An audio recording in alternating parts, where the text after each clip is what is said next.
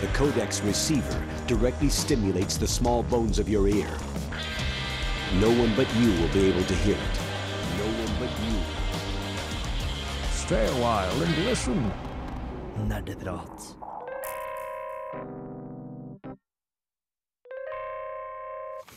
Hei, og velkommen til Nerdeprat. Uh, I dag er jeg, Silje, eh, programleder for første gang. Ja. Og vi skal ha tematapas, uh, som da vil si at alle sammen her i studio uh, De har med et tema som de har lyst til å snakke om. Som blir da cirka Ja, det blir, det blir koselige greier. Ja! Så vi, vi sitter, eller jeg sitter på gulvet, uh, mens de andre halvveis står litt sånn bøyd frem, sitter litt land framover på krakkene sine med veldig lavt bord.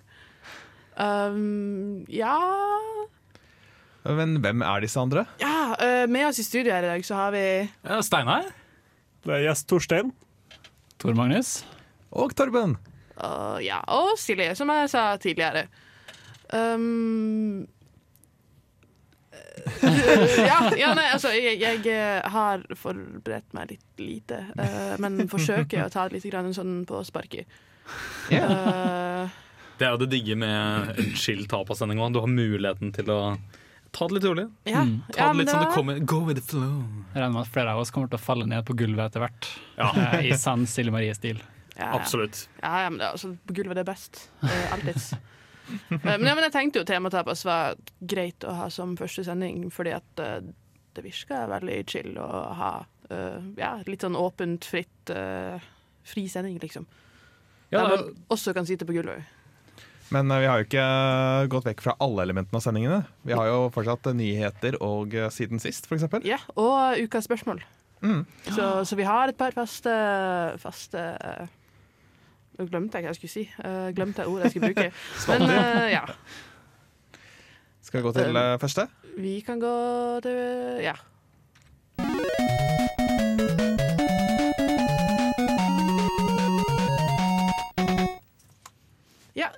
da skal vi da ha siden sist, og da lurer jeg på hva dere her i studio har spilt siden sist. Hva, hva du har spilt siden sist, Steinar? um, jeg har spilt litt forskjellig. Um, I går så satte jeg meg ned og prøvde å spille Skyward Sword med ei venninne. Så det var spennende. Der jeg var, fikk kontroll over nunchucken, og hun hadde ansvaret for Wii-remoten. Det var et helvete uten like å prøve å styre. Det, jeg syns kontrollerne til eh, Skyward Sword allerede var ganske ræva. Når du da i tillegg bare har kontroll over nunchucken, og den andre skal slå, Altså nunchucken da, av kontrollerne, liksom. Så måtte du få den. jeg fikk den verste. Men det betyr at jeg hadde ansvar for all progress, da, for jeg er jo den som kan gå. Så det vil si, jeg bestemte jo for så vidt, men med en gang en fiende kom, så hadde jeg jo null kontroll og måtte enten løpe eller lokke eller bare være en idiot. Men er ikke, er ikke nunchucken ansvarlig for skjold? Jo, Så, så, det hvordan funker combaten? Vet? Vi kom til Giraheim-bossen, første bossen. Ikke noe spoiler, for at, hallo, du burde ha spilt spillet innen nå. Og Giraheim er jo en sword fighter. Um, som betyr at vi må holdt på å si, bruke skjoldet en god del for å blokkere angrepene hans for å få en åpning til å slå ham. Så det var interessant å prøve å kombinere at hun prøvde vilt å slå med armene sine i panikk, mens jeg prøvde å slå ut skjoldet for å beskytte oss. Ja, Så det var kaos. Det andre ord. Kan jeg spørre, Var det trådløse nunchucks, eller sto liksom helt inntil tråd, det var tråd, okay. med tråd. Så vi satt inntil hverandre og prøvde å få det her til. Det morsomme er at uh, dette er ikke no, bare noe tull man kan finne på. Det er eh, på den eh, årlige Eller to ganger per år så er det Games Done Quick event. Oh yes. Og der har de faktisk speedruns, der to speedrunner har eh, deler hver sin del av eh, kontroller. Ja, Det var der hun tok, tok dette tipset fra. da. Hun har gjort det her med venninner før, og så bare tenkte hun at ja, ja, det funker sikkert med Steinar, som har litt peiling på det. Det er veldig ofte incentives som folk donerer til, eh, hvor de gjør disse syke tingene, blant annet det og blindfolded runs Ja, Gud, og det- med mer. Og her, her, så lurer jeg på hvordan vennskap dere er nå, da, etter dere måtte spille sammen på den måten. Det morsomme er at uh, Oda, som jeg spilte med, da, er en jente som jeg ikke kunne ha blitt sint på fordi hun har såpass mye knowledge. Så hvis jeg hadde blitt sint, så hadde jeg fått, fått sånn nerd facts slengt i trynet. Sånn 'stop you stupid ass'. Så jeg tror ikke jeg har noen unnskyldning ass, på det. Um, men utenom det da, så har jeg jo spilt uh, Overwatch. Det har kommet nye uh, oppdateringer til Overwatch nettopp, som har forandret min main-karakter, Diva. Uh, som har gjort at henne nå ikke er vel like mye en tank som beskytter laget, men heller en brawler, som betyr at hun kommer seg rundt fienden bak fienden og tar ut little guys. Så jeg har måttet lært meg spillet på nytt, basically. Som er kjempeirriterende. Ja. Så det er det jeg har gjort i, siden sist. Ja, uh, Hva med du, du som er gjest? Altså, Du blir jo ikke yeah. siden sist, da, men uh, hva, du, hva har du spilt i det siste? I det siste så er det vel Overwatch, da, som uh, Steinar sier. Men nå har jeg spilt veldig mye Player Unknowns Battlegrounds, som er da. min store, og egentlig hele internett sin store ting for øyeblikket.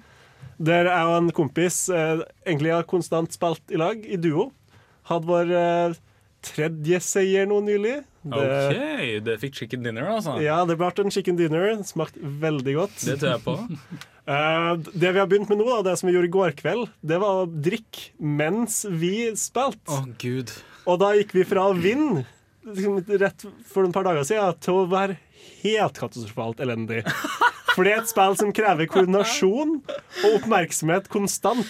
Å, Og gud. Sukker, krydder har og alt mulig fint. og når man drikker, så har man en tendens til å miste både koordinasjon og konsentrasjon og alt. Ja, ja, ja, selvfølgelig. Hvordan føltes det å bli påna? For jeg vil jo tro det ble eid ganske hardt.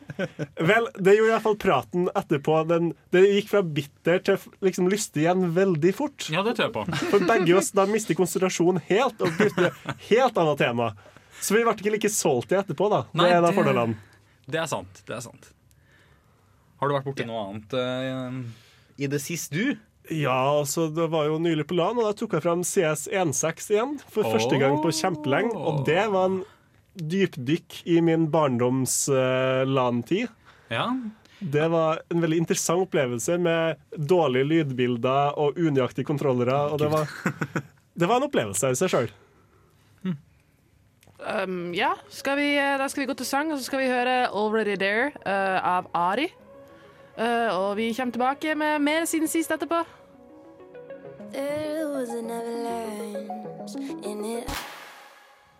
Ja, Velkommen tilbake til Nerdeprat. og Vi skal fortsette litt grann å høre hva andre her i studio har spilt uh, siden sist. Og Tor Magnus, du har spilt siden sist.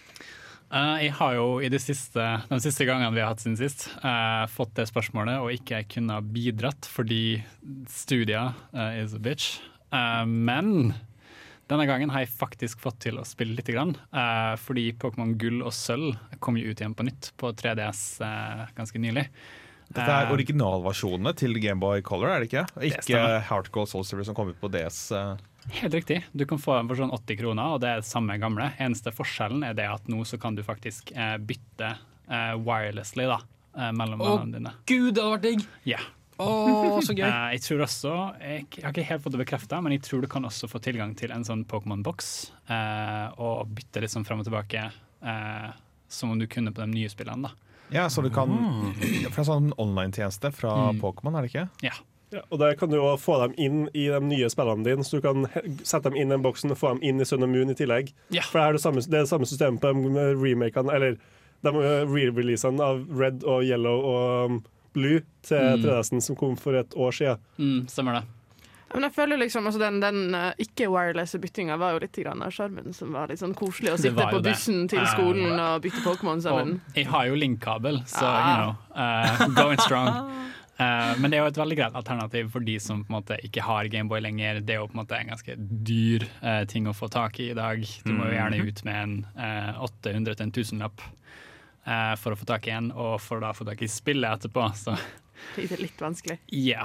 For ikke snakke om batteriproblemene. De ja. spillene har jo internbatteri som hvis de går tom, mister CV-et ditt. Etter sånn seks-syv år, ja. Eh, heldigvis er det Google-løsninger på det. Eh, jeg har bytta et par batterier sjøl i min eh, karriere på spillbutikk, eh, og det går an. Du må bare være litt forsiktig.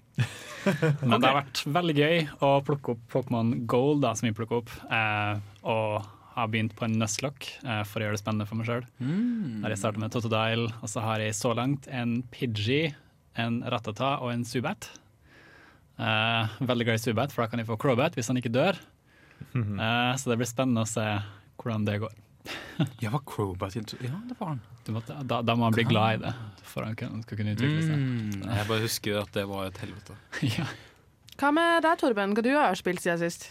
Jeg har eh, spilt et uh, spill som heter eh, Fugl. Og det er deres engelske navn. Det er et uh, norsk uh, spill som ikke er helt ferdigutvikla. Det er på Early Access på Steam. Men fugl på engelsk som i F-O-O-L, eller FUGL. Så F-U-G-L? Så fugl. Ja. Fugl. Føvel, som vi sier der jeg kommer fra. Utvikla av bl.a. Johan Gjestland, på, som heter Melody på Twitter. Jeg ble interessert i spillet av å bare se noen flotte bilder og sånt. Så det er sånn voxel-grafikk. Er du kjent med det? det Nei, det er sånn 3D-piksler. Så det kan minne litt om kubene og sånt i Minecraft, Minecraft, kanskje. Men eh, det er uh, ensfarga, bitte små kuber, kan du si, da. Mm. Som er satt sammen til å være større landskap og sånn. Forstår. Så fugl er eh, Første gang jeg testa det, så merka jeg at det var si Early Access, for da kunne du ikke starte på maskinen min. Men en uke etterpå så har de lagt til støtte for maskinen min, i hvert fall delvis. Så da kunne jeg fly litt rundt, og det er egentlig det du gjør. Du flyr rundt, og du har eh, Bare gjør det du ønsker. Du er jo fugl. Er det et sandbox-game? Er det adventure? Hvordan type spill er det? Jeg vet ikke. Jeg kan kalle det meditativ uh, opplevelse. Fuglsim. Men Blir det da mer likt som i Journey, eller er det, hvordan, er det 2D, er det 3D? Er det, hvordan funker det? Det er i tre dimensjoner. Okay. Når du flyr, eh, flyr rundt og gjør nøyaktig det du ønsker. Ja, eller bare fly rundt og oppleve verden og utforske verden. Se alle de andre fuglene. Og Så så det er ikke noe faste, det er ikke noe objectives, liksom? Nei. Du bare tar det chill? Yep. Det hørtes ganske nice ut, egentlig. Det er det! Er det mulighet for å møte andre spillere, Det er det single player only?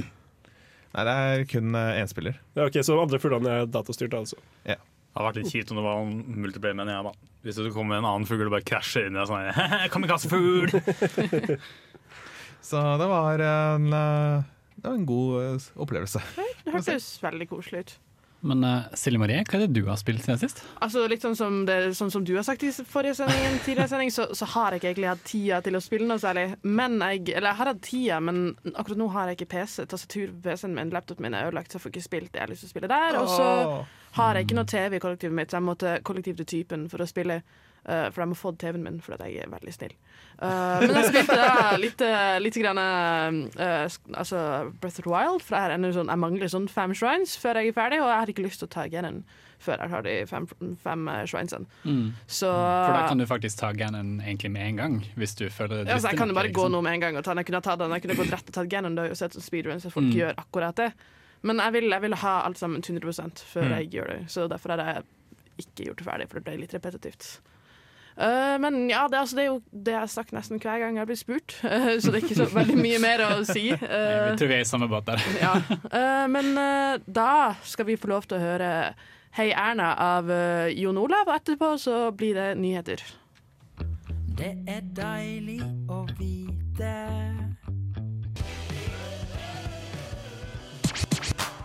Nerd, nerd, nerder, nerdenytt.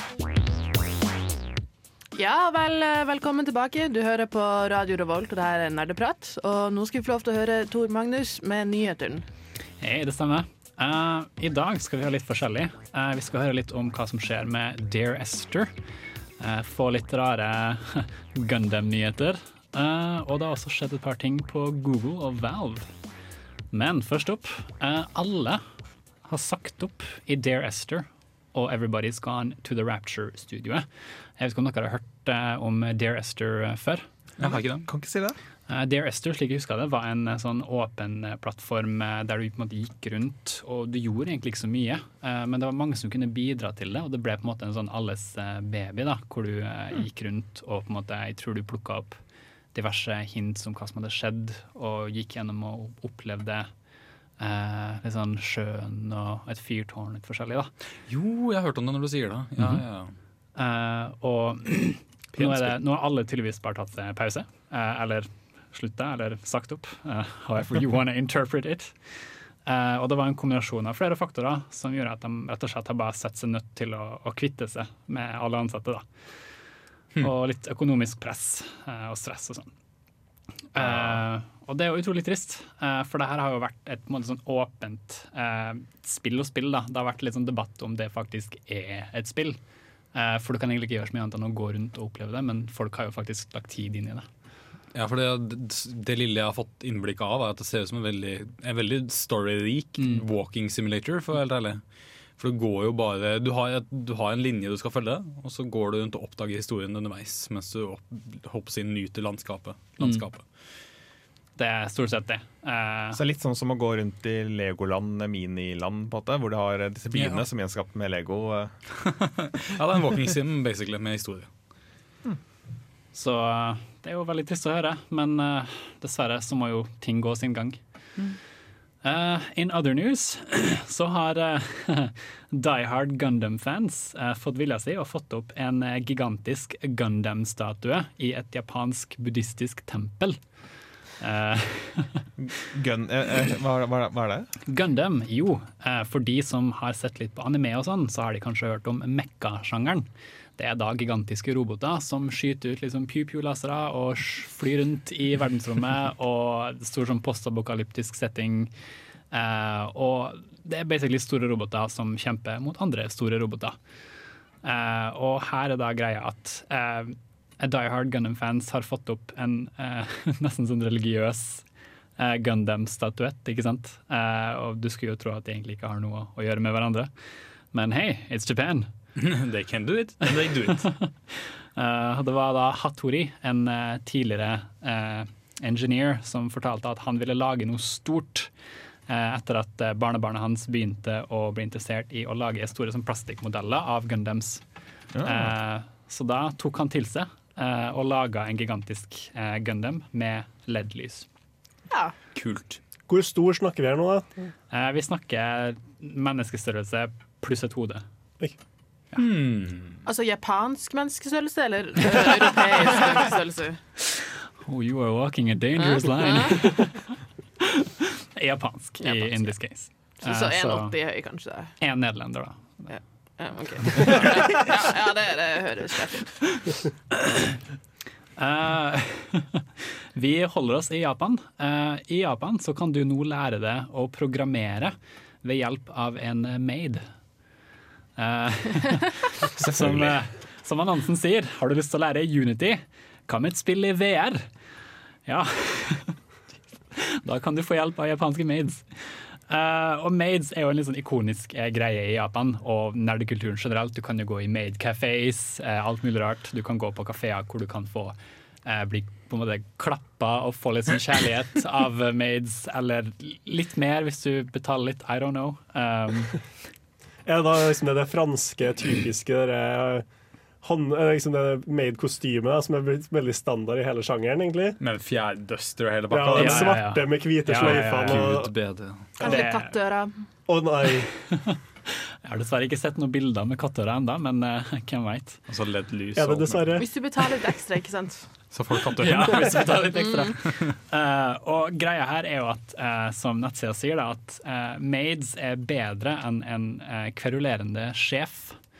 Og jeg vil anta at det har litt med motivasjonen å gjøre, da, når du skal snakke med en maid istedenfor you know, Jeg vil tro det, det hjelper en spesifikk målgruppe, og kanskje ikke en sånn catchy roll. Så jeg føler sjefen ville kanskje motivert andre enn eh, den maiden, da, som kanskje motiverer på andre måter.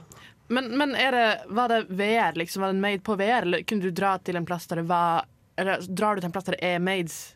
Liksom, som, det, det er i Japan, så du må liksom dra til et sted. OK, så det er ikke sånn VR-opplegg der, du liksom, der det er maids som lærer deg koding mens du er på det VR? Eh, Nei, du, du, du Så du får fysisk møte maids. Det er faktisk en maid. Den Mm. ekte maid. For et privat chatroom og Nei da. eh, Du må faktisk møte opp på stedet, og du får på en måte undervisning og eh, blir rettleda der da, av maids mens som sitter ved siden av deg.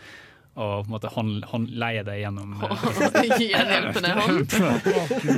uh, ja, OK, OK. Uh, kommer det på engelsk og japansk, eller er det bare japansk? Er det en mulighet for turister, liksom? Oh, Jesus. Eh, Så langt så er det her bare i Japan. Eh, og kjenner jeg resten av verden, så vil jeg ikke tro det kommer så mye lenger ut. Eh, nå vet jeg ikke om det finnes så mange maid-cafés i, eh, i Europa, men Det Finnes, eh, finnes i USA. i USA, det kan jeg se for meg. Men eh, programmering er eh, gøy. Eh, nå, nå er jeg en som studerer programmering, holdt på å si. Informatikk, så, men Jeg ville at du hadde nytte av det.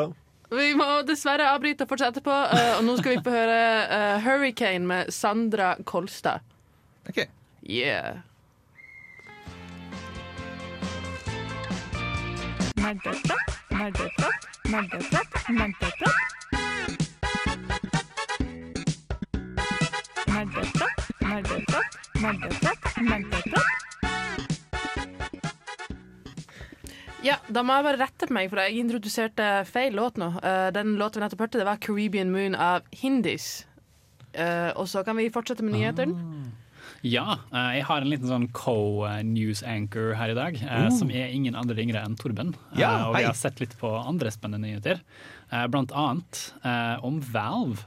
De går litt sånn i strupen på hverandre nå, Torben. Hva er det egentlig som skjer der? Eh, Det er en utvikler hos, som er utvikla for Steam, som eh, basically har pumpa ut spill etter spill etter spill etter spill på, et, eh, på samlebånd, kan du si. Men det er ikke spill som er verdt å spille. Det er basically det som kalles for asset flips. Basically at han tar et av, si, et av eksempelprosjektene som følger med Unity-motoren. Tar og gjør kanskje én liten forandring, eller kanskje ikke noe forandring i hele tatt. Trykker eksport, og så bam, få det opp på Steam. Men- og har bare produsert dette i uh, massevis. Så det Valve nå har gjort, er å- Og han har også produsert det og rastet det under forskjellige navn. Så han ikke kan krysse samme konto. Men uh, nå har Valve sett gjennom kortene og har eh, basically fjernet eh, nærmere 200 spill over natten. Og vanligste utviklerne. Men han har gjort det her pga. Egen Mm. fortjeneste. Ja, det kan du si. At eh, Det, det er ikke Valve som har tjent på det, liksom. Det, det er han, siden de på en måte går løs på han. på at, for å si sånn, han eh, tar jo og forsøpler eh, butikken deres med å ha alle disse her. De tar jo opp plass som eh, kunne vært uh, uh, brukt av noen som faktisk har et spill som er verdt å spille. Og som gamer.no påpeker, så at uh, Eller gamer.no skriver her at uh, studioet faktisk alene har stått bak minst 10% av spillene som ble lansert på Steam de siste to månedene. Oi. Med 86 lanserte spill. Wow. Så det er en eh, vesentlig forsøpling da, som spiser skviser ut uh, de som uh, gjerne, gjerne skulle faktisk fått sett. da. Hvorfor, hvorfor måtte han bare altså, Why, man? uh, tingen er at eh, det er ikke bare penger på spillsag. Han bruker den nye Steam Direct-prosessen, hvor du betaler en 100 dollar for et eh, spill etter at du, for å laste opp et spill, etter at Mm. du er blitt en godkjent utvikler. Så 100 dollar per spill, ja, da må jo litt til før han får fortjeneste. Men det er faktisk sånn at eh, det er også dette økosystemet til Steam, som eh, med inkluderer disse samlekortene som spillere kan få tak i. Så det er, eh, kan faktisk hende at folk tar og kjøper spillene bare for å få tak i samlekortene. Eller at utviklerne kan tjene penger på samlekortene. Fordi at en liten andel av det som spillerne får når de selger et sånt samlekort, det går til utviklerne. Ja. Hmm. Så det Good times. Woohoo. ja. Jesus, det var visst Silicon Echo Studios som, skulle, som har stått bak det hele. Ser jeg. Er det noe, har vi noe mer nyheter? Eller uh... Ja, vi har ja, det. vi har uh, litt sånn uh, Super Mario-nyheter. fordi Mobil-Mario sin har en sånn lekeplass. Han fikk jo en sånn et spill på mobilplattform som het Super Mario Run Uh, stund tilbake. Eh, hadde du noe mer på det, Torben? Ja, de introduserer en eh, ny figur i en oppdatering som skal komme denne uka. Hvem da? Det er uh, I am Daisy, Ah, ah, eller hva hun sier. Den, eh, som egentlig er ganske imponerende, for jeg tror kanskje ikke Daisy har dukka opp i noe mainstream Mario før. Hun har egentlig bare vært sånn sidefigur i Mario Kart og mm. Mario Tennis og sånt. Når du sier det, så tror jeg du har rett. ja, Daisy har ikke noe eget spill, for eksempel. Så nå, det forandrer seg nå. da. Hun blir med i Super Mario Run. Ja. Da er du nødt til å klare en modus som heter eh, Remix 10. Hvor du får eh, ti eh, tilfeldige utdrag fra ti forskjellige brett, skriver gamer til denne her. Super Mario Run er det, det er et mobilspill du finner i, i PlayStore Play, og Google Nei, og Apple Play, sant? Ja, du finner Mm. iTunes og du finner det i Google Ja. Play. Ja. Uh, er det gratis? Er det, Det er gratis å starte, men du må på en måte Da har du kun tilgang til litt grann baner. Ja, du har vel tilgang til tre baner sist jeg sjekka, og så Ja.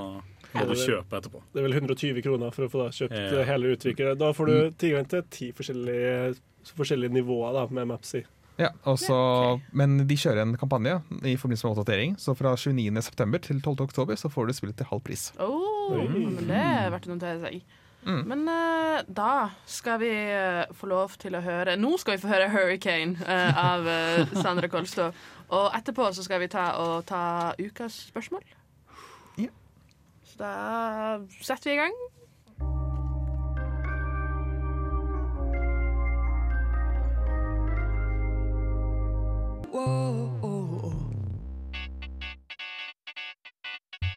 Når innså du at du var en gamer? Dersom du kunne spilt kun et spill i et år, Hva er det eldste spillet i backloggen din? og du var på en øde øye i helvete mens du var 11 år gammel, Hva har du lært fra spill som du har fått nyte av i hverdagen? Er det et spill som har hjulpet deg gjennom en tung periode av ditt liv? Hva er ukas spørsmål? Ja, velkommen tilbake til Nerdeprat. Du eh, hører på Radio Revolt, og det er klart for ukas spørsmål. Uh, Hey. og det jeg da lurer på er, hvis du var president i, i USA, hvem hadde din eh, visepresident vært? Kan starte med deg, Torben. What? Oi! I, I hvilket spillunivers er vi nå? Uh, I livet. Ja. Mm. President of life. Jeg kjenner ikke til det spillet. Er det sånn at jeg skal velge en spillfigur, da? Eller? Ja, en spillfigur. En karakter fra et spill. Ah. Som skal være din eh, visepresident. Uff. Nei, jeg har ikke noe godt svar på farta. Noen, noen som har et godt svar på farta? Noen kjemper på noe? Det Noen de første vil, jeg eh, kommer på, er Inspector Gadget. Da Det ble du satt og nynna på den i stad.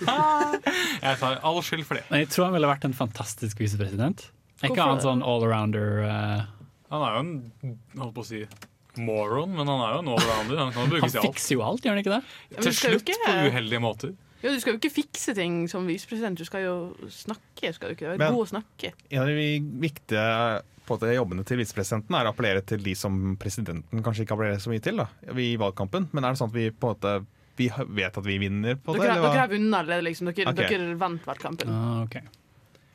Så han er rådmannen min, basically. Ja, og han som tar over når du blir skutt. Aha! Ja? Ja, jeg har altså mål å ikke bli skutt, så jeg tenker å ha med Link, som kan stå bak meg og se truende ut. Ikke si så mye, bare liksom være der. Hvis noen prøver å liksom skape noe drama, så kan han liksom komme og ta inn og liksom knuse noen vaser i trynet på dem, eller noe sånt. Link er jo 1,76 høy, da, så han er jo ikke så truende. Ja, men har du sett det blikket hans? Ja, okay, okay, ok, ok. Eller jeg kan være- Dark Link, da, for så vidt. Da er, enda, da er det ingen som tør å messe med meg. Ja, men det, det blir, høres litt, ut det blir litt mer diktatorstil her da enn eh, president, men eh, Vi, vi, jeg tror jeg lar meg inspirere litt av deg, Torstein. Uh, jeg har lyst til å ha med meg Luigi. Har du sett blikket hans? Oh, Jesus, den- don't go there, man. den giffen der liksom han kjører forbi etter å ha kasta cello og liksom stirrer stygt på motstanderen. Det, det er en fakta i Mario, i Mario Kart 7, tror jeg. Det er åtte ja, hvor du kan se sånn slow motion playback. Ja. Og alt av Luigi er så Å, det er terrifying. menacing, liksom. Du, har du, har du, altså, er du fornøyd med svaret ditt på Inspector Gadget? Nei, jeg er ikke det. Um, jeg tror, altså In hindsight så kommer det ikke an til å bli en veldig bra visepresident. Uh, Steinar, kan ikke du uh, Du, ikke, ikke kast ballen på meg! Du som minte meg om Inspector Gadget. Ja, men, men jeg har jo ikke noe bedre kommer så. Altså, men, da kan jeg komme med et andre forslag, da, siden det tydeligvis er mange i studio. Det, det å ha Ace, Ace Attorney, Ja, som kan komme og backe opp alle poengene mine gjennom hele liksom, Hver gang motstanderen min kommer med noe liksom, rustne argument og bare sånn 'objection!' og liksom konstant bare backe opp. da. Liksom, igjen da, Kanskje ta litt kontroll av debatten. Jeg, jeg føler at det er veldig, veldig diktatorfølelse av meg, mitt presidentskap her. nå. Det, du? Men det måtte. Ja, jeg tror faktisk jeg ville hatt med Godot fra Phoenix, eller Ace Attorney 3. Han med visiret og, og kaffen. For hvis noen da hadde på en måte vært litt truende mot meg, så hadde jeg fått han til å bare kaste en kopp kaffe på dem. Så oppsummering nerdeprat tar over verden.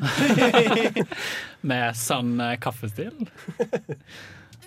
Vi har jo spilt den låta før, den derre 'Fragrance of, uh, of Dark Coffee'. Uh, jeg blitt veldig veldig glad i den, og det er jo Godot sitt team.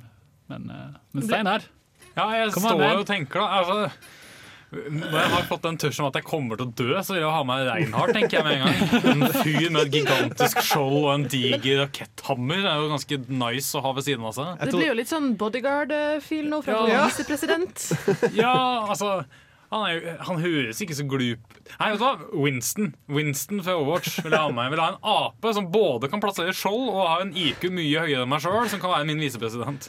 Du skulle ikke, du skulle ikke nevnt det her om å bli skutt. Nei, det Jeg var- kasta, kasta her, litt av her, altså jeg får jo pakkedealen. Jeg får en ape. Det er jo en bonus i seg sjøl, som liker peanøttsmør. Eh, og så får jeg faen meg et skjold som beskytter mot all skade. Og så er pokker meg han en Tesla-kanon i tilfelle noe gærent skulle skje. Og han har en IQ mye høyere enn de fleste mennesker. Så jeg har liksom hele pakka, da. Både forsvar og, og brains og hele greia. Men kanskje ideen da, hvis man skal bli skutt, være um, å ha med noen for fra Final Fantasy som kan healing. Og, eller for eksempel da fra Final 10 og du har med Juna, som også da, hvis du dør og ikke hun klarer å heale deg, så kan du i hvert fall sende spiriten din liksom lykkelig opp. Nei, jeg har en ape som kan hoppe 20 meter. Det går fint. Han bare tar med spiriten din opp til himmelen med fysisk. Han grabber tak i, i holdt på nesten døde kroppen min og bare flyr av gårde. Jeg kan bare si at jeg vil ta med Gud, da, egentlig. Så er safe. Jeg- Det var vurdert til Palatina bare var den grunnen. Ja, jeg gjorde det. Nei, jeg vet ikke. Jeg Jeg prøver å tenke på den eh, demokratisk, eh, mest demokratiske eh, karakteren jeg kommer på, men jeg, jeg vet ikke helt. Det var et spørsmål jeg, som var litt sånn vanskelig altså til meg. Jeg sliter litt med å finne noe å si her. Altså, skulle vi sagt sånn in, in real life terms, så ville jeg sagt Bernie Sanders. Ja. Jeg er jo veldig glad i han. Ja, litt, litt, litt mange tomme løfter, men ellers ja. Mest. mest. Men vi skal, vi skal ikke snakke politikk nå. All right, all right. Um, men altså, hvis jeg skal ikke henge med på den der bodyguard-greia, så sier jeg Samus uh, Aranas. Det hadde vært min, uh, min uh, left hand, liksom. da ram, da-ram, da. Men uh, da skal vi ta og uh, høre uh, The First Day of My Life av uh. Av uh, oh, ja! Nei, nå roter jeg meg igjen. Vi skal få høre The Title Team av Koji Kondo fra! Uh, ja. Og etterpå så skal vi Time, da. ja, fra Queen of Time. Ja. Uh, og så skal vi ta og introdusere temadelen vår nå etterpå. Uh, så vi gleder oss til det.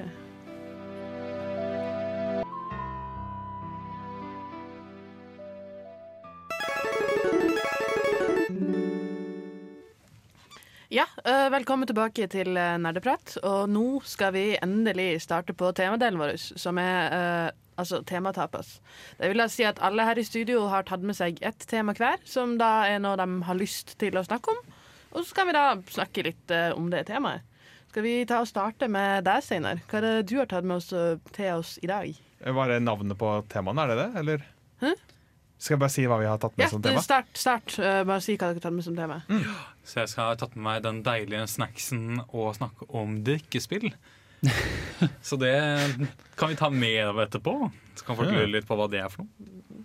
Og du har, har du funnet et tema nå? Det har jeg, og da velger jeg å snakke om en måte, gaming som en sosial plattform i forhold til å spille online med folk som ikke er i samme rom som deg. Ja, ja høres, høres interessant ut. Tor Magnus? Ja, jeg har tenkt å uh, Unnskyld meg. Litt deilig kakao der. Eh, jeg har tenkt å ta en litt sånn DND-historie.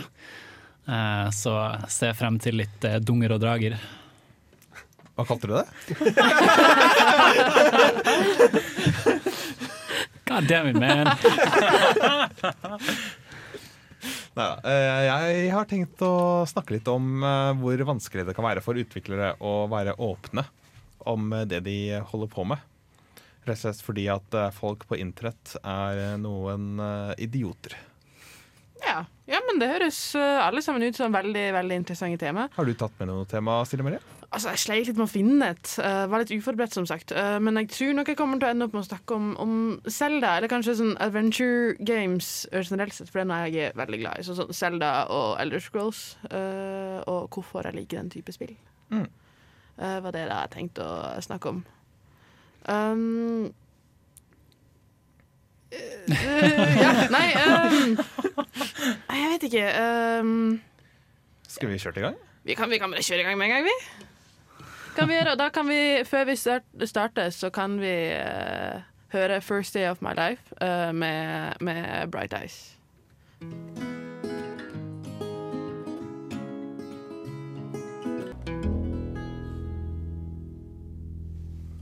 Ja, og velkommen tilbake til Nerdeprat uh, her på Radio Revolt. Eh, vi skal nå starte, ta, ordentlig starte den her eh, vår, så vi starter da med Tor Magnus, som skal fortelle oss litt om eh, Eller fortelle oss en DND-historie. Mm. Ja, jeg håper dere alle sitter komfortabelt der hjemme i stolene deres. Eller hvis dere er på farten på bussen, sitter dere godt ned i setet og gnir rumpa et par ganger ned i puta og you know, tar en slurk av kakaoen eller kaffen eller hva enn du har i hånda. Syns synd på nabomannen ja, som sitter ved siden av på bussen, men det får bare være. Vet du, Han veit ikke hva han går glipp av. Det er sant. Det er sant. Uh, jo, du skjønner det at på uh, By Day så er jeg en eh, Dungeon Master hos uh, noen venner. Og det går jo ikke en dag uten at det skjer noe morsomt når man spiller DND. um, og utdraget jeg skal fortelle til dere, da, var en gang når partiet skulle det skulle infiltrere en base til en ond sånn mastermind som på en måte eh, diktert over en, en by da, ganske lenge. Eh, og partiet sin jobb var å komme til bunns i eh, denne masterminden og stoppe hans tyranni da, over denne landsbyen. Og du var da Dungeon Master, så det vil si du som dro i spakene på et Ja, år? da. Du som eh, hadde historien og Long story short, det er de som på en måte sier hva de vil gjøre, og så er det jeg som narrater historien. da, på en måte eh, Finne ut hva som er mulig og ikke mulig, basert på terningkast. Um, og de hadde kommet så langt da at de hadde kommet til det innerste rommet. Og så viser det seg at den onde masterminden hadde akkurat klart å unnslippe dem uh, før de kom inn dit. Uh, så dessverre så fikk de ikke tak i han. Men på vei ut så fant de uh, en familie bestående av ei mor og to yngre sønner som hadde vært låst inne der i en ukes tid. Eh, og de ville da redde dem og få dem ut igjen eh, til sikkerhet. Eh, men for å komme ut til sikkerhet så måtte de komme seg over en fallgrop. Eh, Dungeons and Dragons har da dungeons fulle av eh, fallgroper og diverse traps. Eh, og her var det da en veldig lang fallgrop, som gjør at hvis du falt ned, så kunne du ta veldig mye skade. Se for deg et fall på syv-åtte meter rett ned i en stein, steingulv. Oi, det overlever du kanskje ikke. Ja. Eh, og det her var da MPC-er, som de kalles. Disse, denne familien da, med mor og to sønner, eh, som de skulle lede over denne fallgruven for å komme ut. Um, og de MPC-ene har ikke så mye liv.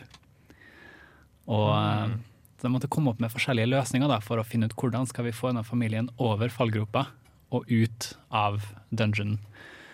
Og det er her det kommer en rekke eh, improviserte løsninger av eh, partiet til spillerne mine, eh, hvor eh, de først insisterte på å prøve å kaste dem over, hvis jeg husker riktig. Litt sånn Lord of the Rings-styles, da, de er på å kaste dem over det, liksom der gruvene. Ja. nesten. Eh, jeg tror det. Og det, det er jo alltid en god recipe, spesielt når du har terninger som vil bestemme utfallet. Hvor du kan være så uheldig å trille en én, som er automatic failure. Uh, og det som skjedde her, tror jeg, var at de klarte å miste første kiden ned. Um, som da ble slått bevisstløs på bakken, uh, og var ganske nær døden, egentlig. Uh, og så skulle han ene i partyet mitt, da, eller en av spillerne mine, hoppe ned og bære han opp igjen. Og han kom sånn litt opp på veggen eh, med kiden på ryggen, men han var ganske tung. Og han bærte jo ganske mye fra før òg, våpen og items og alt det der. Eh, Så vennene som da hadde klart å hoppe over før han, da, fordi eh, spillerne mine er jo OP-folk som kan hoppe og gjøre som til edderkopper og alt mulig rart, eh, de hadde kasta ned et tau for å prøve å dra han opp. Eh, men de som skulle dra tauet på oppsiden, altså, de trilla så dårlig at de ikke hadde styrke i beina til å dra opp eh, han ene fyren her med en kid på ryggen. Så i sin fulle panikk så sa han at OK, hvis jeg tisser på meg, blir de lett nok til å dras opp. Og det gjorde han. Det, Han, han rulla høyt, høyt nok på det, altså. For greia var at han òg hadde trilla ganske lavt, så det ble en sånn standstill. Men det at han tissa på seg, ga liksom akkurat nok til at de fikk til å dra han opp på en sånn ti minutt kvarter da, på de åtte meterne opp. Eh, Og de fikk heldigvis stabilisert kidden eh, før han døde. Å, gida, det var så tragisk. Ja, Um, Overlevde den? Han, eh, han gjorde heldigvis det, fordi de klarte å måte, sjekke han da, og stabilisere han. Eh, men det kan sies ganske trygt at eh, mora, da, som de også skulle få over, som det gikk mye bedre med, ble ikke spesielt imponert over ferdighetene til heltene. og ville mer eller mindre komme seg bort etter at de ble redda.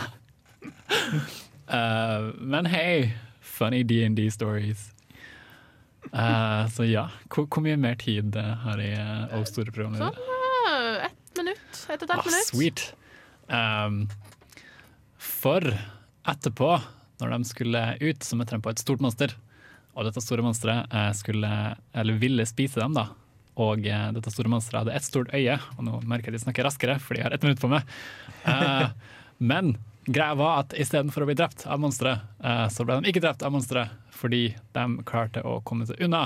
Ha-ha, plot twist. I know. Hvordan da? Jeg spør jeg idet TM tar en slurk eh, kakao.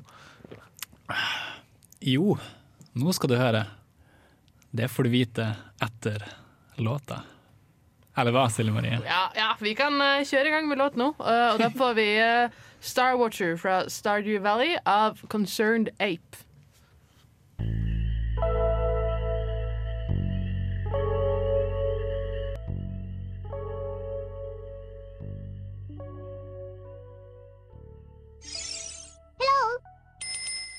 Look! Hey, listen! Ja, og Velkommen tilbake. Så da, da er vi interessert i å høre, da, uh, Magnus. Hva var det som uh, skjedde, liksom? Du har fem sekunder på deg. Jo, de, de sprang inn, og så sprang de ut, og monsteret fulgte ikke etter, og de levde. Ah, ja, men da, da, da fikk vi svar på det. Tusen, eh, tusen takk for Vær fin fortelling. Veldig antiklimatisk. Ja, fint. Aner ikke hva du snakker om. Da skal vi eh, gå videre til uh, Torben, og da kan du få lov til å fortelle litt om ditt tema. Ja, mitt tema er uh, egentlig basert på en Twitter-tråd. Og vanligvis så tenker jeg at ok, bare gjenfortelle en Twitter-tråd omtrent er kanskje ikke så mye av tema. Men så ser jeg på Adresseavisa, og de rapporterer basically nyhetssaker basert på det politiet twitterer om. Så da får jeg ikke så dårlig samvittighet likevel, da. Men uh, det er basically en Twitter-tråd av en uh, utvikler som heter uh, Charles Rondal. Som har skrevet litt om at en venn av han en gang kommenterte at han, vennen skulle ønske at spillutviklere var litt mer åpne. At de på en måte ikke holdt alt til seg selv. Og at den vennen ble overrasket når Charles eh, svarte at eh, ja, men vi er det. Vi er åpne. Men det kunne åpne overfor andre i industrien. Fordi at eh, en ting som jeg kanskje ikke tenker så mye på, det er at uh, spillkulturen er såpass giftig, kan du si, at uh, du får veldig fort slemme kommentarer når det er åpen som utvikler. Hmm. Eller ærlig med folk. Men altså, Hvordan åpenhet er det snakk om? da? Liksom Åpenhet om det de eksempel- gjør, eller liksom Ja, ting de står for? Det er, det, det er et aspekt, eksempel. At hvis de sier at ja, nå jobber vi på et uh, nytt uh, Si at det skal, si, jeg har sagt at vi jobber på et nytt Zelda-spill. da Og vi tester ut litt uh, Eller vi jobber med en prototype av Zelda. Og vi tester ut litt grafikkstil, en realistisk grafikk, grafikkstil. Og så det fem, går det fem år, og så har de liksom funnet ut at nei, det funka ikke, vi prøver noe annet. Så vil folk fortsatt være butthurt over at eh, de ikke fikk et i, eh, med realistisk grafikkstil, som faktisk skjedde. GameCube demo, en GameCube Tech-demo var eh, realistisk Zelda.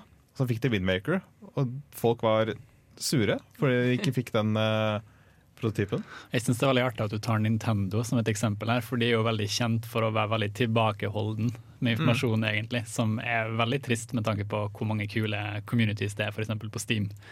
Uh, men nå skal ikke ta fra deg helt ordet. Det, det perfekte eksempelet er vel kanskje No Man's Sky. Der de var kanskje var litt for åpen Ja. om sine ideer i løpet av uh, produksjonsfasen. Og når det sluttproduktet kom ut og ikke var det helt de hadde liksom nevnt at de ville ha, så ble jo hele internett totalt flippa fra liksom være supergira på spillet til å hate intenst. Og når de endelig fikk multiplayer sånn et år etterpå nesten, så alt du ser er bare en blå liten, et blå lite Mm. lys. That's it. Det er altså et av poengene som Charles Rendal faktisk trekker fram. Da. At uh, det er folk som bare sier at eh, å, hvis, de bare hadde, hvis det hadde vært opp til meg, så skulle de implementert multiplayer i løpet av ei uke. Ja, at, eh, å, det er, hvorfor har de ikke multiplayer? Det er jo bare å liksom, import multiplayer, eh, så er du ferdig. Er det, EA, eller? Nei, hva vet jeg. Det er, eh, folk har tydeligvis ikke helt uh, peiling, kan jeg si, ja, men de eh, later som at de har det. Og så liksom uh, kommer masse hatefulle kommentarer om at uh, og de er noen latsabber, disse utviklerne, siden de ikke gjorde denne veldig kompliserte tingen. Som jeg tror er ikke komplisert, men som egentlig er veldig komplisert. Og det har eh, mange måneder å få til. Ok, ja, men så, så du da, Mener du da at, at man burde At utvikler burde være mer åpen, eller muligens da at, at folk burde være mindre dømmende? Hva Ja, liksom, det er litt vanskelig. da. Det er det jeg lurte på hva om dere hadde noen tanker. Jeg vet ikke. Altså sånn Kanskje man burde bare ikke si noe på forhånd. Sånn for sin egen skyld. eh, som utvikler, mener jeg da. Og ikke være så åpen, fordi at eh, du kommer ikke til å kunne altså, overbevise alle sammen om alt hele tida, på en måte. Det går jo ikke. Mm. Steinar? Ja, altså Jeg har aldri hatt noe imot egentlig at folk holder litt tilbake med informasjon om spill. Jeg syns jo det gjør det litt spennende i seg selv. Det gir at jeg vet om kanskje tittelnavnet og tenker oh, det hørtes skikkelig spennende ut. Og så har jeg sett bitte litt, kanskje, og det så dritfett ut. Da har jeg i hvert fall noe, da. Eh, Da har jeg ikke så store forventninger som for med No Man's Sky, der jeg har fått høre alt i detalj hva de har hatt lyst til å få til, og så har de ikke fått det til fordi det var vanskelig. Um, Men det vi ser, er jo de lovte oss noe, og så fikk vi det ikke. Mm. Så jeg skulle ønske mennesker var litt mindre dømmende. Og så syns jeg det er helt greit med at det er litt secrecy. Yeah. Og der er jeg, jeg er jo enig i at måte, hemmelighet for å liksom holde litt suspens er viktig. Når man merker liksom bare det å kommentere eller måte, snakke i forum, så har liksom, jeg blitt ønska at folk folk har liksom ønska meg at jeg var død, og at jeg liksom fikk skader som liksom skulle være synlige sånn arr i resten av livet. Folk er jo utrolig sånn sint på internett. De har en sånn der tro at det de sier, egentlig ikke påvirker noen, eller at de bare har lyst til å spre hat. Og jeg skjønner jo da utviklere som ikke tør å da stå fram, fordi folk automatisk går inn i en sånn der angripsmodus.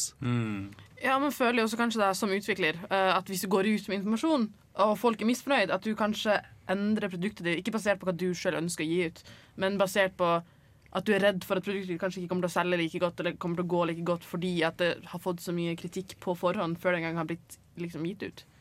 Så det er litt Mm. sånn skummelt. Og altså, hvis de ikke sier noe, så får du jo et mer altså, urørt prosjekt. Eller liksom Altså, spillet blir mer sånn som eh, de hadde lyst til å skulle være i utgangspunktet. Og der er det jo, hvis du da for eksempel, sånn som Zelda Wind Waker, da, hvis de hadde vist fram den selvskjedede grafikken før det liksom var for sent å snu om, at de kunne endre den etter hvert, og de de fått så mye kritikk at de kanskje kunne ha vurdert å bytte stilen før det var ferdig, og så en prototype, den er kanskje litt buggy, den er kanskje liksom ikke helt som den skal se ut. Du får så mye kritikk at du velger å gå bort fra den, men egentlig, hvis de har fått tid til å raffinere ideen, så får du Wind Waker, som er kanskje en av mine favoritt-Zelda noen gang. Hell yeah, man. Mm. Ja, og hvis, liksom, hvis du får for tidlig kritikk på en negativ måte altså Vanlig konstruktiv kritikk er jo fint, men hvis du får bare negativitet for å være negativ, så kan det ødelegge en god idé før den blir ordentlig. Ja, Det er jo et godt poeng. Folk har mislikte jo Det var jo den sterke reaksjonen som jeg snakka om, til Windwaker i starten. Men med årene så har det vist at eh, det er et av veldig få spill fra den æraen som på en måte fortsatt ser bra ut. Mm. Og spilles fø- fø- føles bra. Ja, øh, og det var Da skal vi nå, øh, før vi fortsetter videre på temaet, øh, så skal vi få lov til å høre Throwback Galaxy fra Super Galaxy 2. En remix av uh, Bombo Battlefield. Ja. Og, da, Og før det og før det Å ja! Igjen så gjør jeg, ser jeg feil, jeg. Nei, vi skal høre Super Galaxy uh, the er Gusty Garden Galaxy, som ikke er en remix, men den er spilt av London Philharmonic Orchestra. Ja. Yeah. Så her får du to låter.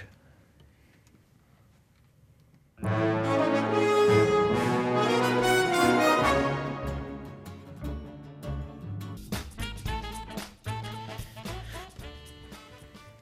og velkommen tilbake til Nerdeprat her på Radio Revolt. Og nå eh, er vi Altså, temaet som Torben tok opp, var veldig interessant å diskutere. Det var et eh, bra tema. Eh, og nå er det klart for uh, Steinar sitt tema, som er litt annet spekter av uh, aktuelle temaer. Ja, nå skal vi snakke om fyll og fantidere. Det er eh, litt det jeg er her for. Um, jeg skal snakke om drikkespill. Fordi, eller vi skal snakke om drikkespill. Dette er et tema jeg ønsker å inkludere dere i, fordi at det, dette er noe jeg vil ha tilbakemelding på. Um, hva er drikkespill? Jo, det er spill du har på fester, gjerne før eh, festen, eller selve hovedfesten, på forspill, eller under festen for å starte en samtale eller få i gang stemningen med litt alkohol. Eh, så hvis det er barn som hører på, ignorer hva jeg sier, og lat som det er julebrus. Eh, for jeg har faktisk et julebrus-drikkespill. Det er fantastisk. Uansett. Når, det spørsmålet jeg har først og fremst er Når passer det seg med drikkespill? Når er drikkespill en greie? Har noen noe svar på det? Altså alltids, føler jeg egentlig. Sånn, altså, Under hele festen, liksom? altså, det kommer an på hvem du fester med, og hvor mange som er til stede på festen. Altså, hvis du har en fest med 50 stykker, så passer det seg Da er det sånn, jeg synes, da syns jeg det er litt kjipt av den personen Kom igjen, nå skal vi spille drikkespill, alle sammen! Sånn, Sosialiser som et normalt fuckings menneske, liksom. Ja, okay. uh, ja. Mens hvis man er sånn ti stykker med gode venner som digger å spille, og så hvis vi da ser på andre spill enn en bare kortspill, altså si at man spiller Superman, altså, altså fyllekjøring i Mario Kart, gøy.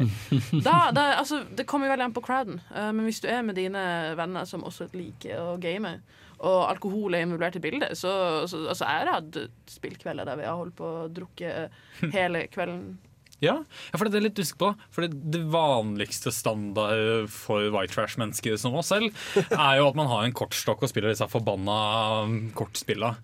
Um, og i min erfaring da, så har det alltid vært et problem når, det, når du har allerede kommet litt inn i stemningen, man har begynt å snakke sammen, og så kommer det en gjøk og bare Hei, gutta! Vi, vi spiller drikkespill, og vi tar frem. Ring of fire! Ja, og så er det sånn du får ikke vært med i spillet eller engasjert deg i spillet fordi det allerede har starta en samtale. Jeg pleier som regel å dra fram kortstokken hvis det går treigt i samtalen. Ja, ja, men det er for det passer. Det er, Ja, for det, det, det er det jeg lurer på. Altså, Er det mulig å ødelegge stemninga med drikkespill? ja. Jeg vil si at det er fullt mulig. Altså, sånn som det har vært sagt da, Hvis det er for mange, hvis oppmerksomheten er for vag altså, Jeg har vært borti flere ganger der vi har sittet i en god gjeng. Liksom, vi har alle sammen begynt å snakke. Folk ser på liksom, gruppert seg opp i det de har ned tonen med. Og så Mhm. kommer det en og skal liksom samle hele gjengen da, og prøve å få starte opp en drikkelek. Og så viser det seg at halvparten av oss er ikke inter- interessert i det i det hele tatt. Og så sitter den ene halvdelen da som prøver liksom, ok, vi skal være med på spillet ditt. Og den andre halvdelen følger ikke med, og så blir det sånn drama av det. da, For folk blir irritert på dem som spiller. De andre blir irritert på dem som ikke følger med. Ja. Og det liksom skaper mer splittelse enn samling. Ja, men her er, her er et eksempel på når det passer veldig bra å eh, ha drikkespill. Ja. Jeg har vært fadder uh, to ganger. Og de første, sånn, første festene, to-tre festene man har da med fadderbarna, der ingen tør å snakke med noen, for alle sammen sånn små VGS-barn som akkurat liksom kommer til Trondheim, uh, og som er kjempenervøse, da passer det veldig fint med drikkespill. Uh, altså Prøve da å holde det på et sånn sunt nivå uten drikkepresse. Uh, så mye tilstede! Um, men, men da det er jo veldig sånn altså hvis, det, altså, Eller hvis du har fest der det er veldig mange som altså, du, Hvis du har forskjellige vennesirkler, og det er folk som ikke kjenner hverandre og ikke helt tør å liksom kom, Altså Vi nordmenn og vi må jo drikke for å sosialisere, uh, og da kommer man jo kanskje litt i gang med det. Uh, så en nice måte å bli kjent på, eller bli komfortabel på med nye mennesker. Så vi kan bli enige om at mange drikkespill er for å få i gang stemningen, mer enn at det er en måte å holde stemningen i live på? Ja. Og jeg føler at ofte så har jo min vennegjeng Vi har en tendens til å starte hver måte, kveld ut da, med det. Mm. Ikke fordi vi liksom trenger å få en stemning, og sånn men fordi at noen drikkespill har rett og slett bare en artig De, de, gir det utfordringer. Det er litt sånn, Du må finne på leker, du må liksom gjøre ting, og det er en fin start bare for å liksom få opp stemninga. Selv om samtalen kunne ha flyttet like lett uten. Ja, for Jeg har et spørsmål til. Hvilke drikkespill er det man liker, og hva er det man ikke liker? Har vi noen, noen favoritter? Altså, Jeg eh, er veldig lei av Ring of Fire. For at jeg husker når jeg eh, fortsatt, eh, Før jeg gjorde ferdig studiet mitt, så var det alltids én fyr på alle fester. Uansett når. uansett var det alltid sånn Folk satt og snakka, folk hadde kos, og så kom en «Øh, Kom igjen, alle sammen, nå skal vi spille Ring of Fire! Og alle bare sånn Nei. Så Ring of Fire er jeg jævlig lei. Men, men er det fordi at den har blitt brukt så mye? Eller er det bare for at spillet generelt er dårlig? Det, det, altså, det er veldig vanskelig for veldig mange når de blir drita å følge med på alt som skjer. Det blir veldig mye regler. Jeg syns det blir for komplisert, så det ender opp med å bli jævlig kjedelig. Ja, ok. Kan du bare kalle det liksom drikkelekens Wonderwall? Ja, Den mest ja, overbrukte ja. klisjeen som du kan få. Ja, sant. ja, ja. Ja, er det noen andre favoritter? Altså, jeg har hatt veldig mye hell med en sånn en app som heter Piccolo. Ja, hva er denne appen? Det, det er på en måte en variasjon av Ring of Fire, hvis du kan kalle det det. Men den har på en måte Du skriver alle som er med. Mm. Og så får du noen ganger så får du liksom oppgaver til spesifikke personer, der de må liksom ha de reglene, men den følger med på reglene ditt for det. Okay. Så liksom du har OK, nå skal da Tor Magnus han får ikke lov til å sette seg ned, eller han må sitte og snakke i rim resten av kvelden, fram til da appen sier ti runder etterpå at ja, nå får han slutt. Og du, du, slipper, du får en mer naturlig sånn flyt i det. Så en sånn, Det er den bedre versjonen av Ring of Fire, egentlig. Og så slipper du alle besserwisserne som mener de har kontroll på spillet allerede, Ja. fordi mobilen har kontroll for deg. Ja, den gjør, det, den gjør jobben for deg. Det er praktisk. Og så mitt favorittdrikkespill er da Super Smashed Bros. Ja! Der vi, den som blir slått ut, må ta en shot eller chugge i eh, en boks øl. Uh. Og så Ja. fyllekjører man jo i Mario Kart etterpå. Selvfølgelig. Ja, for, for jeg òg er veldig glad i disse pingpongballspillene, jeg, personlig. Men det er mest fordi jeg liker det kompetitive ved det. Jeg, liker eh, Cage, og jeg liker eh, beer pong for så vidt. Beer pong begynner å bli mye brukt, så det igjen har litt den samme smaken som Ring of Fire for min del. Da. At den er en gjenganger som begynner å bli litt vel mye brukt.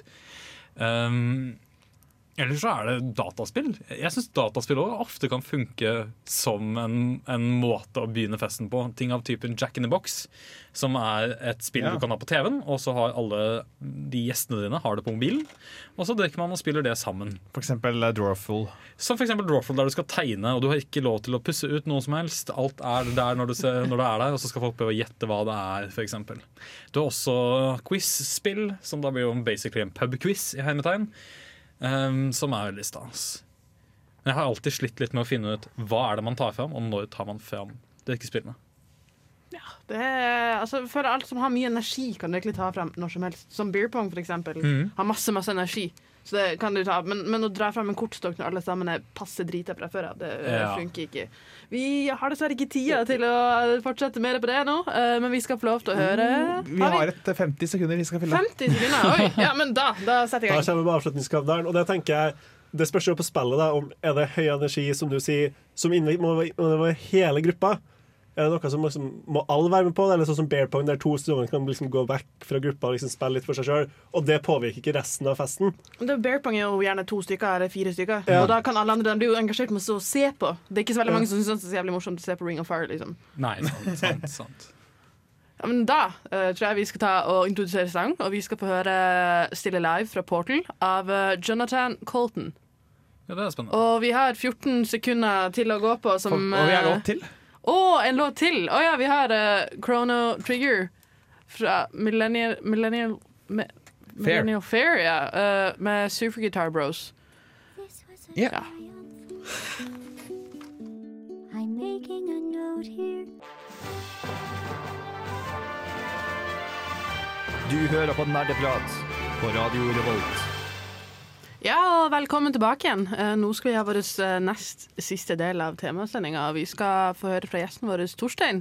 Uh, hvordan tema er det du har funnet på nå? Eh, du som stilte opp nå i siste liten. Ja, nei, jeg sleit jo litt med å komme på, men jeg endte med å gå for temaet liksom, sånn, sosial gaming og sånn, når man sitter på hvert sitt rom og egentlig gamer med andre folk da, som sitter kanskje på andre plasser i byen, eller andre byer, eller andre verdensdeler, for så vidt. Og hva, jeg vil høre hva dere mener om det.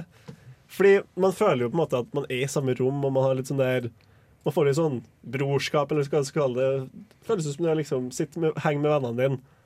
Men du sitter jo der alene på rommet ditt, og det ser litt trist ut fra utenforstående. Og jeg liksom sliter med å forklare det til vennene mine. da. Hvordan det liksom Det å ha en drikkelek, da, som når du Mm. spiller Overwatch og drikker Ja, det er, det. det er vanskelig å forklare det til andre folk som ikke har vært med på den opplevelsen. Hvordan Du sitter ikke alene på rommet ditt, du er med en gjeng. Jeg, jeg pleier som regel å forklare det som om det er en slags telefonsamtale eh, med noen du allerede kjenner veldig godt. For folk tar jo og ringer bestevennen sin selv om han bor i en annen by, vil jeg påstå. I hvert fall jeg gjør det. Jeg kan hende at jeg er en sentimental faen, men jeg gjør det.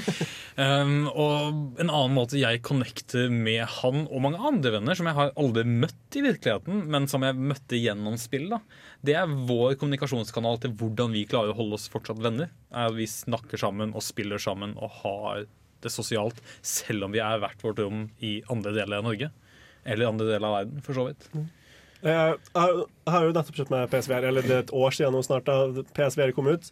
Mm. Og der er det et sånt spill der man har en sånn sportsbar. Og det man er at man kan bevege seg fritt inni det med VR. Mm. Og da måtte måte der du ser VR-brillene og da hendene, PS Move-kontrollerne, til, til dem du spiller med. da ja. Og du får liksom bevegelser som er én til én, og liksom hodebevegelser. Så jeg har jo spilt med venninne med det. Der vi er på liksom spille biljard og forskjellige sånn småspill inni der. Mm. Og det er utrolig hvor mye bevegelse og følelse du kan få ut bare av hender og hodebevegelse. Altså, jeg kunne se at hun satt, og så så jeg liksom Hun tok hendene på knærne sine. Ikke for at jeg så knærne på ekte, men så de stoppa liksom en- på sånn brått stopp. Så så jeg hun reise seg opp, for hjelmen da reiste seg opp i lufta. Ja. Og liksom når hun flirer, så ser du liksom hodet som bobber fram og tilbake og liksom kaster seg bakover. Og du tror ikke hvor mye liksom, nå i da- dagens VR-samfunn, der du liksom kan få utrolig mye innlevelse og føles ut som du faktisk er i samme rom, ikke bare liksom på et mentalt nivå, men på et fysisk nivå nesten òg. Ja, Du får jo en til dimensjon i forhold til den originale spillinga med venner online. Type bare muntlig chat. Eller skriftlig chat, for så vidt også. Du får enda et nytt lag da, som gjør at det føles mer ekte ut. vil Jeg tro Jeg kan ikke snakke av erfaring, for jeg har ikke VR sjøl, men jeg antar at det er sånn det føles. Ja, nei, du får, du får en sånn nærhet da, som på en måte er enda mer enn en voicechat har. Mm. Men hva mener dere andre om hva, hva er deres syn på det? Syns dere dere er usosiale, eller er det Altså, vi, vi var jo så vidt inne på det her uh, på en sending tidligere, når vi snakka litt om uh, sosial og usosial gaming. Uh, og min egen stance på det er jo på en måte litt at jeg syns det er litt ironisk når du på en måte er sosial uh, aleine på rommet ditt. Altså Selve den setninga for meg går ikke lenger. Eh, det, det har, altså, jeg har jo gjort det sjøl før. Jeg har også spilt spill online med folk. Jeg har spilt masse online games eh, gjennom min tid. Men, men, men i dag, nå så føler jeg liksom at eh, jeg vil heller gå ut og være sosial og heller prøve å møte folk fysisk. Fordi jeg liker liksom ikke denne Det føles litt sånn overfladisk, litt sånn Matrix, hvor du har en sånn skille mellom en indre og en ytre verden, kind of. sant? At eh, du, du sitter liksom og prater med folk og ler og opplever noe som er ekte. Altså Følelsene dine er jo ekte. Du har det jo koselig med denne personen. Men det som faktisk er greia, er jo at du sitter der med et stort headset på eller en VR-equipment på ansiktet ditt eh, i et rom alene med en lysende skjerm. Men så er spørsmålet, blir det en substitut, eller blir det liksom La oss si at du ikke har planer på en onsdagskveld, sånn som i dag. Du har ingen planer, men så liksom sender noen en melding på Steam da, og sier hei, du blir ikke med å spille.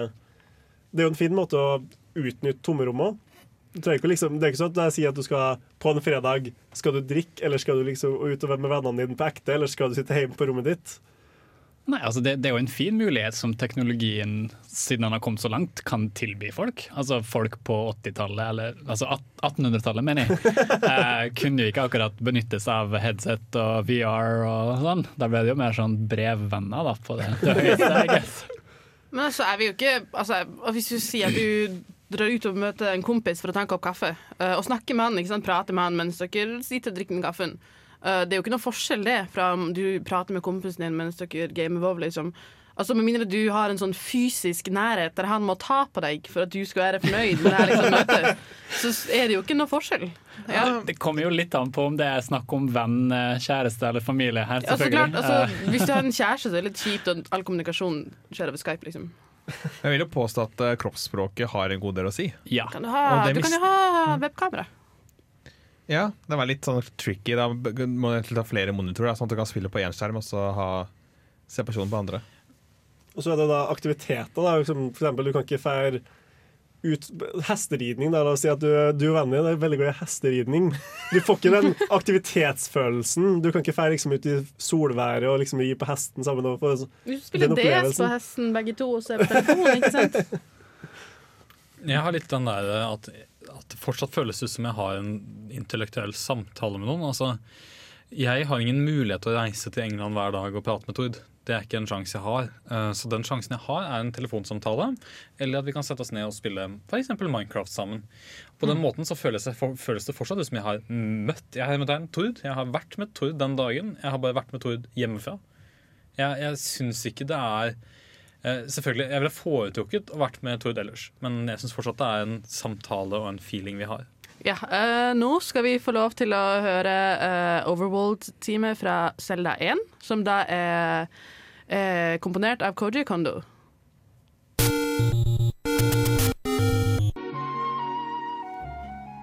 Ja, det hørte vi Loftwing-tema fra, fra The Legend of Zelda, uh, Skyward Sword som passer veldig bra med det jeg skal snakke om nå. Eller sånn, Zelda passer egentlig ganske bra.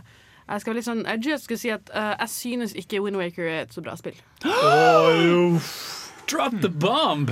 Uh, jeg syns det Ja, ja.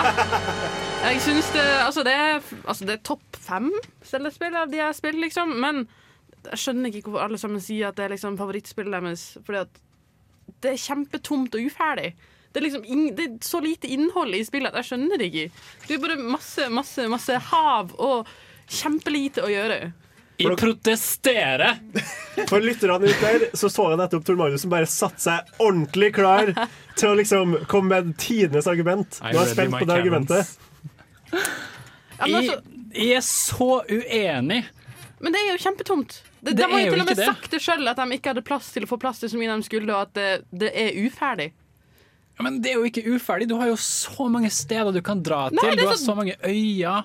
Og selve Ja, og øyene er sånn, sånn kjempesmå, der du finner ei kiste, liksom. Nei, det er så mye mer enn det. Og selve Mm. reisen over sjøen, fra øy til øy, Altså, er en del av spilleopplevelsen. Hvor Jeg du er fra. Nord-Norge, ikke sant. Der må vi reise fra øy til øy for å liksom komme noen sted. Altså, det, det er ikke så fett, liksom. Det er sånn øysimulator, liksom. Ja. Men jeg føler det argumentet med at dem ikke var, på en måte, fikk inn alt de ville. Det er litt sånn som Jaws, som skulle vise haien masse i løpet av filmen. Det skulle ikke være noe suspens. Du skulle, du skulle, du skulle vite med en gang hvordan den så ut. Du skulle være redd for den haien. Jo, men Jaws gikk- var bra. Ja, og så gikk den sunn. Og så ble det det, i dag, som en bra film. Jeg er litt det på Selda. Jeg føler at som det nye, så er det liksom det der reisa til målet ditt Nei, som er veldig føler viktig. Grunnen til at folk er så veldig glad i det, og liksom rettferdiggjør for at altså Hadde spillet kommet i dag, så hadde det ikke vært like bra, men det er jo nostalgien som folk har knytta til spillet her. Jeg spilte Windwaker litt seinere. Jeg spilte det ikke før jeg var sånn 15. Uh, så det kan derfor at jeg kanskje klarer å se gjennom de her nostalgi, nostalgibrillene på hvor bra det faktisk er. For det er kjempetomt. Jeg er litt med på Hvorfor føler vi at vi har en nostalgisk følelse på det hvis det er så tomt? Jeg føler, grunnen til jeg føler at det er en nostalgisk følelse over det, er for at for det første, jeg liker historien. Jeg syns det er sjarmerende karakterer med mye ansiktsbruk som jeg liker veldig godt. Jeg synes eh, Selve det Tor Magnus på, påpeker med det å reise, syns jeg var behagelig. Jeg hadde spilt mye Selda før det òg, og det hadde ikke noe å si eh, for meg at det var et stort, åpent hav. Det gjorde det bare større for min del. Jeg kunne fiske, jeg hadde den båten som jeg kunne snakke med. Det var båter. Og hvis du vil vite mer om nostalgi, så skal vi faktisk ha sending om det neste uke. Så look forward to it. Ja, og jeg spilte første gang jeg var 17, så det var ikke så mye nostalgifaktor. Det er bare, jeg er veldig glad i seiling i spill. da måte Assassin's Creed Black Flag. Å, det var bra. Det er det dårligste spillet i Assassin's Creed-stil. Men det er det artigste spillet i måte, Jeg elsker båtcombaten. Jeg kommer til å kjøpe det Skull and Bone-spillet på release fordi at båtbiten av Assassin's Creed var det beste jeg spilte på av noen båtspill. Det var, men, men jeg syns bare altså, Det følelsen jeg alltid hadde, at det virker uferdig og tomt, og det, er kjedelig, liksom. Tomt, som i de individuelle stedene, eller på at På- det er så mye hav? På, ikke hav er ikke et problem i seg sjøl, men det er alle de små øyene uh, som egentlig ikke inneholder noe særlig. Altså, Du finner jo masse sånne små ting, men jeg syns altså, området er for stort til hva det Altså antallet ting det inneholder, og antallet ting å gjøre. Og så likte jeg ikke at de, de reuser så masse. Sånn i siste biten ikke sant? du skal gå gjennom for å slåss mot Ganon, så bruker de jo alt sammen på nytt igjen. Men det er jo på en måte noe som jeg vil si definerer en god spillutvikler. Eh, hvordan du bruker dine assets. Eh, hvis du er veldig flink til å gjenbruke, f.eks. si da eh, du, du har et Gjort på en bra måte. Hysj nå!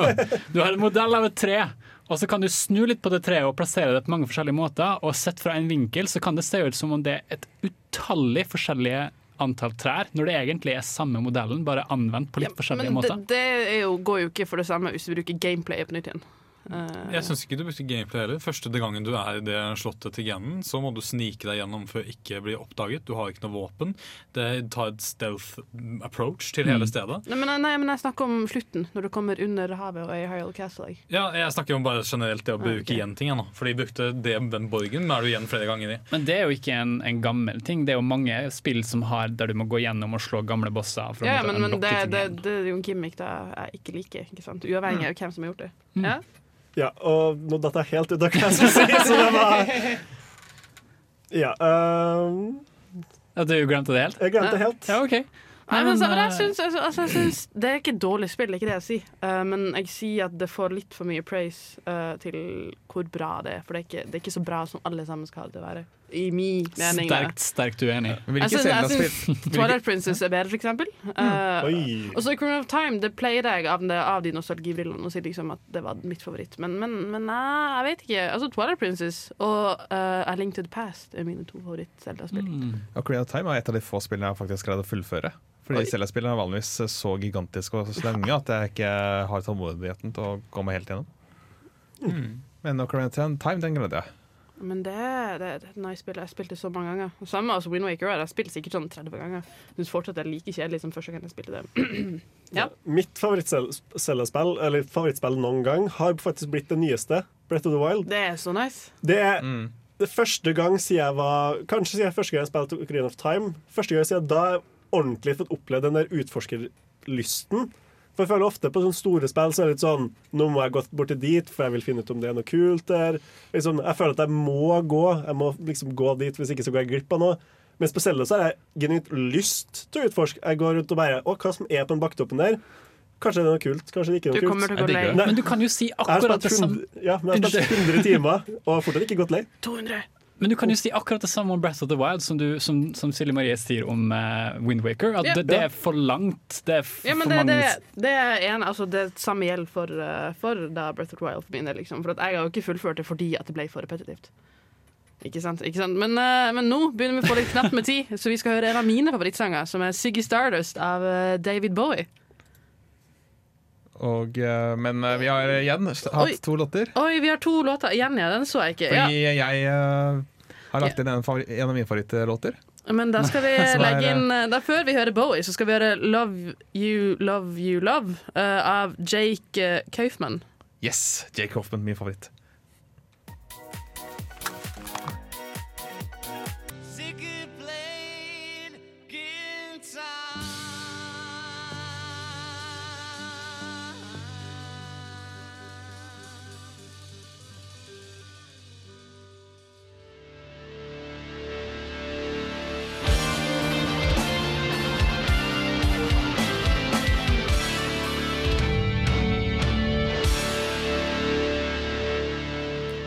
Ja, og velkommen tilbake til eh, Nerdeprat her på Radio Revolt. Eh, nå har vi uh, snakka veldig mye om litt forskjellige Altså veldig forskjellige tema, syns jeg.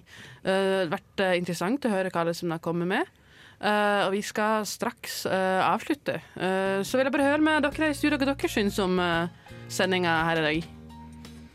Wow. Første gangen som programleder for min del. Altså, var det OK? Dritbra. Hei! Hey! Ser gjerne frem til at det skjer flere ganger. Det er dritkult å få en annen stil inn i studio så snart noen andre er programleder. Ja, ja, ja. Jeg tenker Som tapas så er det en sånn fin mulighet som Det er altfor litt jeg vil ha. Mm. Sånn, jeg som lytter dere har hørt på, så tenkte jeg oh, Dungeons Dragons er dritkult. Jeg er ikke interessert i drikkeleker, men Dungeons and Dragons det er i. Og så er ikke det, det- er ikke hele temaet. Det er litt sånn, Du får litt av alt. Du får litt av det gode. Mm. Det er noe for hver smak. Nei, jeg liker å kunne at det er så bitte små tema som man kanskje ikke kan ha en del hel sending til, men som man kan ha litt grann, eh, Snakke litt, eh, litt. Faktisk få snakka litt. Da. Ja. Ja, Steinar, har du noe, noe å tilføye? Nei, jeg syns det var en koselig dag. Ja. Det var gøy å ha en litt relaxed eh, stemning rundt hele. Ja, kun jeg som endte opp på gulvet der. Ja, for vondt i ræva, ass. Kjempebehagelig her nede. Og nå skal vi, vi skal, nå skal vi avslutte, så eh, som utro så skal vi høre JL Skummel Nei, nei, nei. Å, nei, ja, nei, jeg ser feil hele tida. jeg. Vi skal høre 'Drømmen om oss'. Nei, 'Drømmens begra 'Drømmen begraves' uh, av Drøm. Uh, ha det! Ha det! Sakte senkes